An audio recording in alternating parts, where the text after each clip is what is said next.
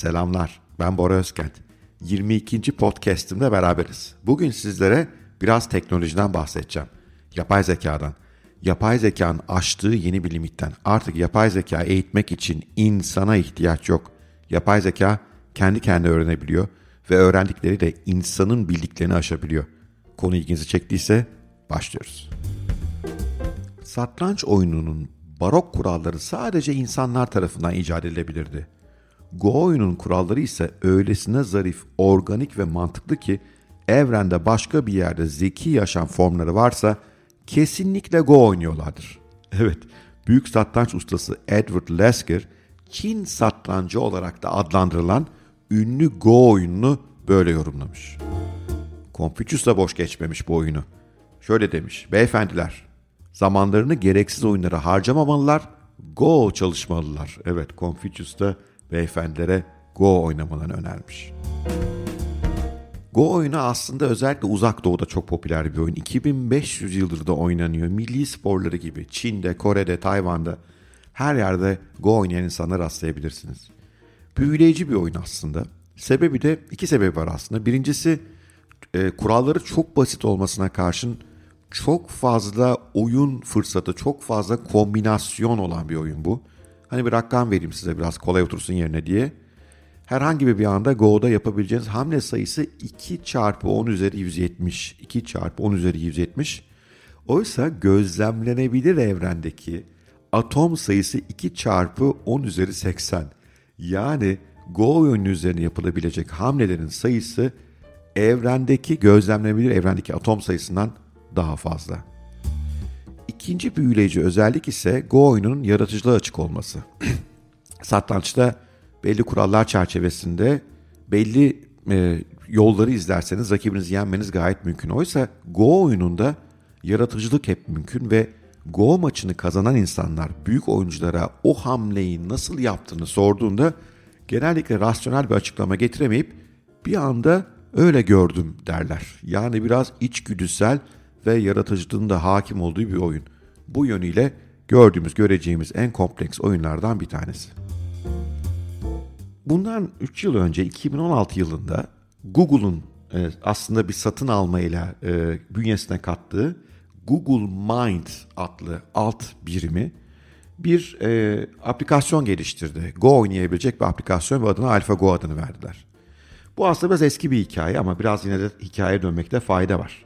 Mutlaka hatırlayanlarınız var. 2016'da gerçekleşiyor bu olay.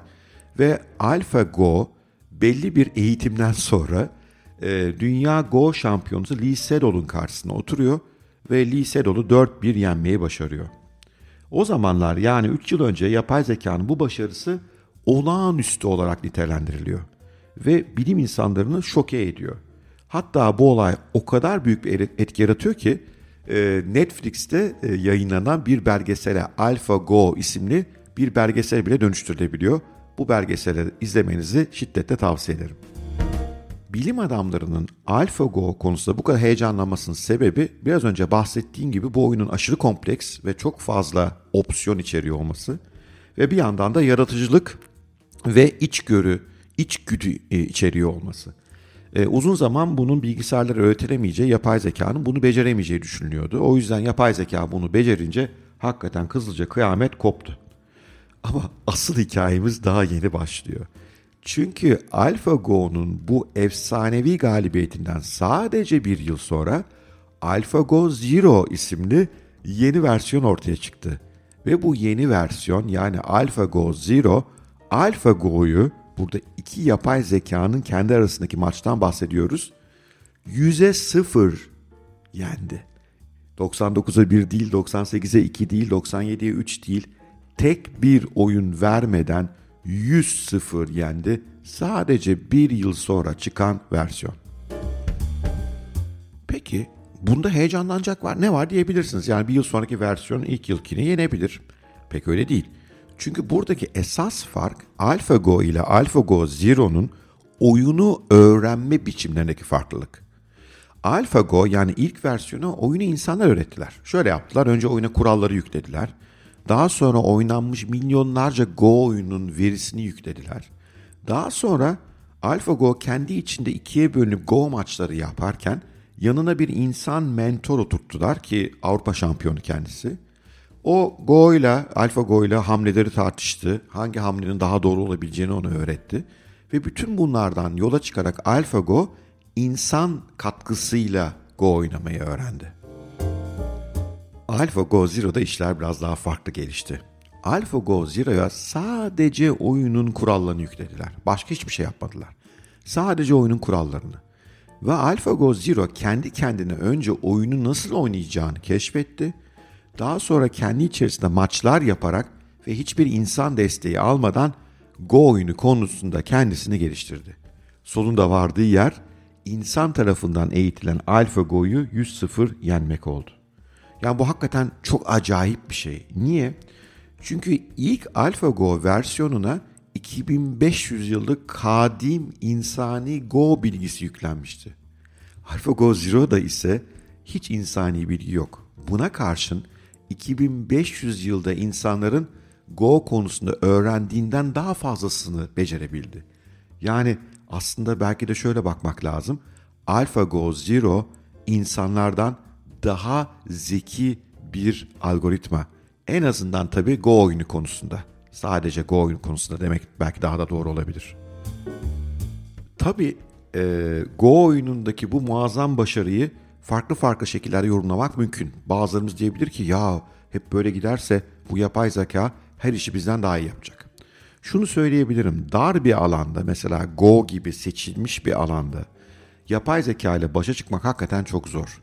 Çünkü AlphaGo Zero'nun 2500 yıllık insani birikimi öğrenmesi aslında sadece 40 gün sürdü. 40 günde insanlardan daha iyi Go oynamayı öğrendi. Bununla başa çıkmak, bu tip bir öğrenme hızıyla başa çıkmak hakikaten çok zor. Özellikle de bilgisayarların bizden daha hızlı düşünebildiğini ve fiziksel olarak daha üstün olduğunu düşünürsek işimiz hakikaten hiç kolay gözükmüyor.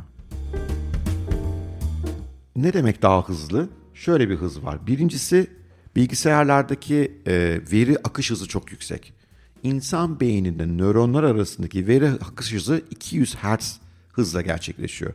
Makinelerde bu hız 2 GHz yani katlarca daha fazla. Beyin nöronları arasındaki aksonlar üzerinden verinin akış hızında da insanoğlu makineleri yeniliyor bu arada. İnsanoğlunda beyninde verinin akış hızı saniyede 100 metre civarında gerçekleşiyor. Bu ses hızının aşağı yukarı üçte birine denk gelir. Makinelerde ise bu hız ışık hızı seviyesinde. Yani saniyede 299 milyon 792 bin 458 metre hızla akıyor veri. 3 milyon kattan daha fazla, daha hızlı akıtıyorlar veriyi. Bu muazzam. E bir de insanın beyni sonuçta kafatasının içerisine sıkıştırılmış kısıtlı büyüme alanı olan bir organ. Buna karşın makinelerin büyüme şansı sonsuz. Yan yana paralel bağlayabilirsiniz, yeni çipler ekleyebilirsiniz, onları büyütebilirsiniz. Bu veriler ışığında bakınca biraz karamsar olunabilir. Yani bu makineler bizi yenecek denebilir. Ama şu anda vardığımız noktada makinelerin sadece dar odaklı bir alanda bizden üstün olduğunu biliyoruz. Ne demek bu?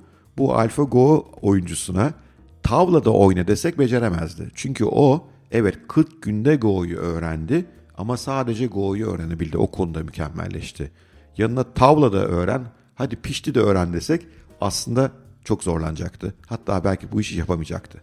Biz buna dar yapay genel zeka diyoruz. Genel yapay zeka yani insan gibi önüne konan her konuyu anında kavranayan, öğrenen bir yapay zeka elimizde henüz yok. Henüz yok derken buna üzülüyor muyum, seviniyor muyum belli değil. İleride olup olmayacağı konusunda tahminler muhtelif olmakla beraber hem bilgisayarlardaki gelişmeye yani fiziksel gelişmeye hem yazılım alanındaki gelişmeye hem de bilgisayarların öğrenme konusundaki hızlı gelişimine bakılırsa bunun mümkün olma ihtimali epey yüksek. Evet, bilmiyorum siz nasıl bir gelecek tahmin ediyorsunuz? Yapay zeka insanın zekasını aşacak mı, aşmayacak mı? Eğer aşarsa neler olur, başımıza ne işler gelir? Bunu belki ileriki günlerde ayrıca tartışabiliriz. Ama hakikaten AlphaGo Zero'nun bu olağanüstü başarısını size anlatmak istedim. Bu çünkü tarihi değiştirecek belki de bir e, büyük dönüşümün ilk işareti gibiydi. Evet, 22. podcast'imin sonuna geldik. Bugün konumuz yapay zekaydı. Umarım ilginizi çekmiştir.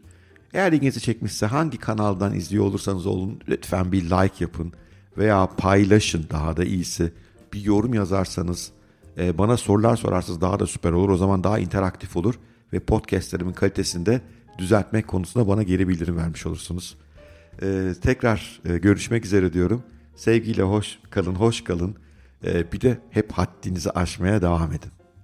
Görüşmek üzere.